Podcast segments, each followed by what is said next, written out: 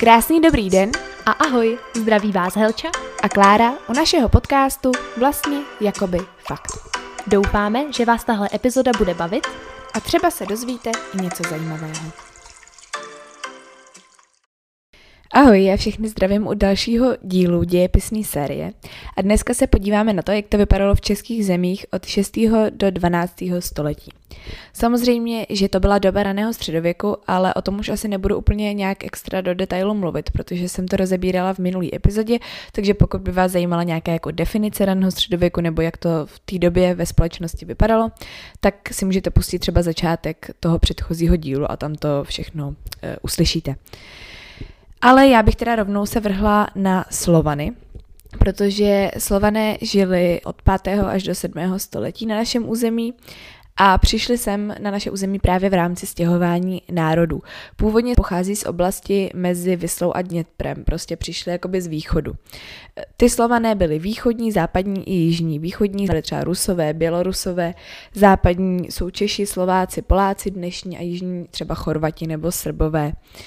Mluvili praslovanštinou, která se v průběhu 9. století rozpadla na jednotlivé další jazyky.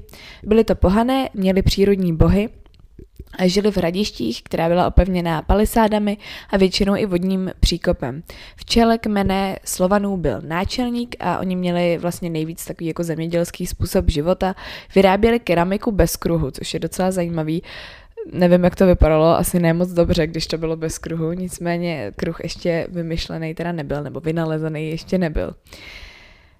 Takže to by bylo tak jako ve zkratce ke Slovanům a teď bych se chvíli chtěla věnovat Sámovo říši. Sámova říše, nevím úplně upřímně, proč se jako zas tak rozebírá, protože trvala hrozně jako krátkou dobu. Od roku 623 do roku 658, takže to máme kolik? Tři, přes tři, něco málo přes 30 let. A Sámova říše byla teda kmenový svaz, který vznikl v roce 623 jako obraný kmenový svaz v boji proti Avarům a Frankům. A v čele právě té Sámovo říše byl logicky teda člověk, který se jmenoval Sámo. Byl to franský kupec, který, kterému se podařilo sjednotit Slovany. On měl celkem, to je takový zajímavý, měl 12 manželek a 37 dětí, se říká. Údajně vůbec nevěřil v Boha, byl ateista, byl to velmi dobrý válečník a v roce 631 porazil v bitvě u Vogatisburgu Dagoberta, což byl franský král, který bojoval s Bavory a Langobardy. A on právě toho Dagoberta porazil a tím dokázal sílu Slovanů. No, takže dalo by se říct, že ta Sámova říše byla poměrně jako m, mm, taková úspěšná, nebo že, že byla mocná, jenomže v roce 658 Sámo umírá a tak se ta říše rozpadla. Prvním skutečným západoslovanským státem je ale Velká Morava, což byl ten nejstarší raně středověký stát na našem území. Velká Morava vzniká v roce 833 a to spojením dvou knížectví. Bylo knížectví moravské, kde vládnul Mojmír I. a potom nitranské, kde vládl kníže Pribina. Roce 830 ten kníže Mojmír vyhnal toho knížete Pribinu, spojil to moravské a nitranské knížectví a tak vzniká Velká Morava. A on se tak stává prvním vládcem z rodu jak jinak než Mojmírovců. Zase vidíte, bylo to hodně jednoduchý, prostě Mojmír se rozhodl někoho vyhnat a stát se vládcem celý říše. Ale furt je to lepší v téhle době, než potom díl, když se lidi prohlašovali králem, aniž by na to měli jakýkoliv právo. A to, to se jako dělo potom v Evropě docela často. No, o tom, o tom ještě budeme mluvit v dalších dílech, ale mně to vždycky přijde hrozně vtipný, jak, jak se ty lidi tak jako úplně na random různě zabíjeli, mlátili a prohlašovali králama a bylo to jako hrozně jednoduchý. No nicméně zpátky k tématu. Jak jsem říkala, můj mír se stává prvním vládcem z rodu Mojmírovců a potom je dalším významným vládcem z toho rodu kníže Rastislav, který chtěl omezit vliv franské říše a spíš se orientovat na říši byzantskou. O těchto říších jsem taky eh, mluvila v minulých otázkách, takže pokud byste třeba nevěděli, tak si můžete taky pustit ten minulý díl a tam to uslyšíte. On odmítl franskému panovníkovi platit tribut, tribut byla daň za mír. Chtěl také církevní nezávislost a tak požádal o vyslání křesťanské mise, takže v roce 863 přichází e, ze Soloně Konstantin a Metoděj. Jenom tak pro zajímavost, kníže Rastislav byl později svržen, byl oslepen a dokonce prej i vykastrovaný, takže chudák nedopad moc dobře. Nicméně Konstantin a Metoděj přeložili Bibli do staroslověnštiny a přišli tedy z Hlaholicí, což bylo první slovanské písmo. Oni museli obhájit své učení u papeže v Římě, kde posléze Konstantin přijal jméno Cyril a potom teda později umírá. Takže to by bylo takhle ke Konstantinovi a Metodii. Dalším významným panovníkem byl kníže Svatopluk. Za jeho vlády byl největší územní rozmach. Velkomoravská říše se tehdy skládala z Čech, Moravy, Slovenska, části Polska a Panonie.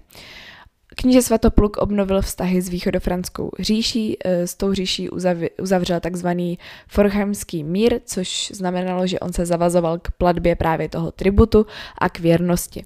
Usiloval o podporu papeže, takže vyhnal Metodiovi žáky a zakázal slovanské obřady, takže opět nastala latinská bohoslužba, což nebylo moc fajn pro ty Slovany, protože ty samozřejmě většinou latinsky neuměli, takže těm bohoslužbám nemohli rozumět. Dalším panovníkem významnějším byl Mojmír II., který byl ale slabý, byl neschopen udržet říši pohromadě a v důsledku nájezdu Maďarů v roce 906 se říše rozpadá a území Velké Moravy bylo rozděleno. Jaký byl význam té velkomoravské říše? Tak samozřejmě bylo to vytvoření nějaké vyspělé kultury, oni byli velmi dobří ve šperkařství, třeba například vyráběli různé náušnice, knoflíky, spony a přívěsky. Stavěli si hradiště s kamennými kostelíky, malovali různé fresky a jak už jsem teda říkala, tak velkomoravská centra byly třeba Mikulčice nebo staré město u Uherského hradiště. V době rozkvětu Velké Moravy byla část Čech samozřejmě součástí eh, té Velké Moravy, ale po jejím zániku se stávají Čechy hlavním kulturním a politickým centrem. Na území Čech bylo velké množství kmenů, které tvořily kmenové svazy a právě následně i knížectví. Největším a nejvýznamnějším z těch kmenů byl právě kmen Čechů, kde vládl rod Přemyslovců. Název Přemyslovců je od bajného Přemysla Oráče, který si vzal Libuši a stal se prvním českým vládcem a ti Čech, Češi, Čechové, měli právě převahu nad těmi ostatními kmeny. A tak se k moci dostávají tedy Přemyslovci. Prvním takovým eh, historickým dolože, historicky doloženým českým knížetem z rodu Přemyslovců je kníže Bořivoj, který si vzal za manželku Ludmilu a společně byli pokřtěni v roce 883 metodiem. Byli oba velmi vzdělaní. Ludmila byla první světice, ona se stala svatou, eh, protože vlastně měla spory se svou snachou Drahomírou a ta na Ludmilu žárlila a chtěla se také dostat k moci a proto ji nechala uškrtit na tetíně. Ale o tom ještě budu mluvit. Mimochodem Ludmila měla výborný vztah se svým vnukem Václavem, který byl také později svatořečen, ale já se k tomu ještě vrátím. Takže zatím jenom nám stačí informace, že Boživoj měl manželku Ludmilu, nechal postavit první křesťanský kostel v Čechách v, Le- v Levém Hradci a tedy propagoval nebo Mm, hlásal křesťanství, hlásil se kře- ke křesťanství. Centrem a sídlem Přemyslovců byla Praha. E, jeho syn Spytihněv I. vládl od roku 894 právě po smrti Boživoje. On uznal podřízenost přemyslovských knížat východofranské říši a orientoval se zase na latinskou liturgii. Spytihněv I. bohužel zemřel bez potomku a tak se na trůn dost, nebo bohužel, nevím, zase opět, nevím, bohužel bohu dík, těžko říct. Nicméně na trůn se tady dostal jeho bratr, Vratislav I., který byl velmi schopným panovníkem a měl za manželku Drahomíru, což byla polapská slovanka a ona se přikláněla k pohanství. Vratislav s Drahomírou měli syna Václava, později svatého, a teď už se dostáváme k tomu, o čem jsem říkala, že budu mluvit. O tom sporu mezi Ludmilou a Drahomírou, protože Ludmila byla křesťanka a Drahomíra, ta její snacha, byla pohanka. Tak nechala právě uškrtit tu Ludmilu, tu svoji tchýni, na hradišti Tetíně a za tuhle tu mučednickou smrt byla potom Ludmila prohlášena za svatou. Jinak Drahomíra měla s tím Vratislavem syna Václava, a Václav byl právě vychováván tou svou babičkou, tou Ludmilou, než právě ta jeho matka nechala zabít, byl vychováván ke křesťanství. Václav se narodil v roce 907 a vládl od roku 925 do roku 935 do své smrti. On uhájil samostatnost státu proti Jindřichu I. Slíbil, že politickou orientaci přenese z Bavorska na Sasko a že začne platit opět tribut. Byl umírněný, byl velmi dobrý křesťan, stavil různé kostely, no ale měl bratra Boleslava. Boleslava I. No a 28. září 935 ho ten bratr Boleslav pozval na své sídlo ve Staré Boleslavi, no a tam ho zavraždili při cestě na bohoslužbu. Zavraždili ho podle té pověsti Hněvsa, Nina a Česta, kteří byli právě pronajatí tím Boleslavem, protože on se chtěl ujmout vlády, jo, takže takhle se to prostě dělalo. Někdo se vám nelíbil, tak jste ho nechali buď někde uškrtit, nebo někde prostě probodnout, zabít při cestě někam. Prostě jednoduchý. Boleslav I. se tedy díky tomu, že zabil svého bratra, stal králem. Později se mu tedy přezdívalo Boleslav I. ukrutný. On ale upevnil stát v roce 955 proběhla bitva na Lechu, kde bojoval Boleslav společně s Otou prvním proti Maďarům. To jenom tak jako pro zajímavost. On odmítal platit tribut Sasku, ale Ota první ho právě platit donutil kvůli tomu, že spolu bojovali proti těm Maďarům. Za jeho vlády vznikly denáry, což byly nejstarší české mince a také vznikl Vyšehrad. A byl postaven první klášter v Čechách a jeho abatyší byla Boleslavova dcera Mlada. Jeho syn Boleslav II., později přezdíven Pobožný, rozšířil území o Moravu a Slesko a dokončil sjednocení státu. V roce 973 založil pražské biskupství a v roce 995 nechal vyvraždit Slavníkovce, aby upevnil vládu přemyslovců v českých zemích. No, takže jsme zase u toho, někdo se mu nelíbil, tak ho prostě nechal zabít. No, to, byl teda, to je teda pěkný. Boleslav druhý pobožný nechal vyvraždit slavníkovce. To prostě, to prostě sedí, tohle, tohle slovní spojení. E, nicméně, it is what it is, nechal vyvraždit slavníkovce a po jeho smrti nastala první krize českého státu, protože probíhaly nástupnické boje o moc mezi jeho třemi syny, Boleslavem III. Ryšavým, Jaromírem a Oldřichem. A právě ten stát byl kvůli těmhle bojům hodně oslaben. Mezi těmi bratry se pros, prosadil Oldřich, který si vzal za ženu selskou ženu Boženu a s tou měl syna Břetislava. Břetislav byl taky docela jako fajn cápek, protože unesl z kláštera Jitku, německou šlechtičnu a prostě si ji vzal za ženu po tom, co ji unesl. Což je takový zajímavý, jako zase takový jako moc se s tím ne, jako nepárali. Prostě se mu líbila Jitka, tak ji unesl z kláštera. Nicméně v roce 1039 vyšly Břetislavovy dekrety, což byl první český zákonník, ve kterém byly potlačeny slovanské zvyky a v roce 1054 vydal stařešinský řád, neboli tedy nástupnický řád, který zajišťoval, že vždycky vlá- bude vládnout nejstarší člen toho rodu takže se zasloužil o aspoň něco málo, by se dalo říct. Po jeho smrti nastává ale druhá krize českého státu, až do doby, než se králem, prvním českým králem, stává Vratislav II., který byl na krále povýšen v roce 1085. Ten jeho titul ale ještě nebyl dědičný a byl povýšen na krále za to, že pomohl císaři Jindřichu IV.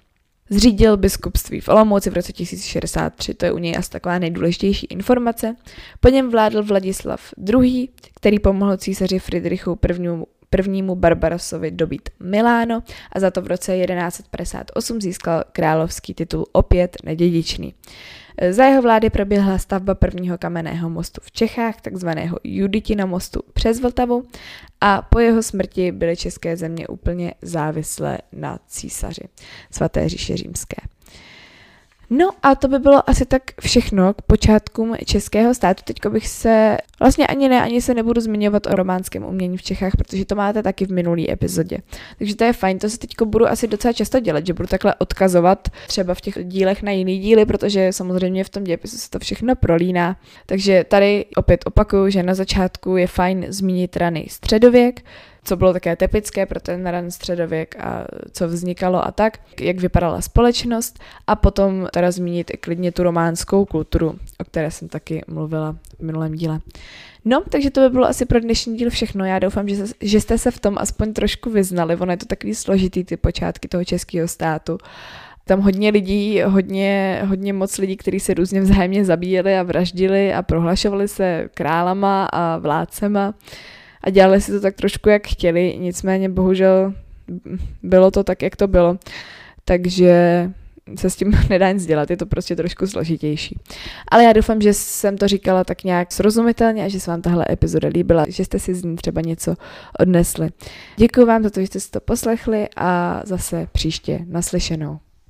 Pokud by vás zajímalo víc, tak nás určitě sledujte na našem Instagramu, kde se jmenujeme Jakoby podcast.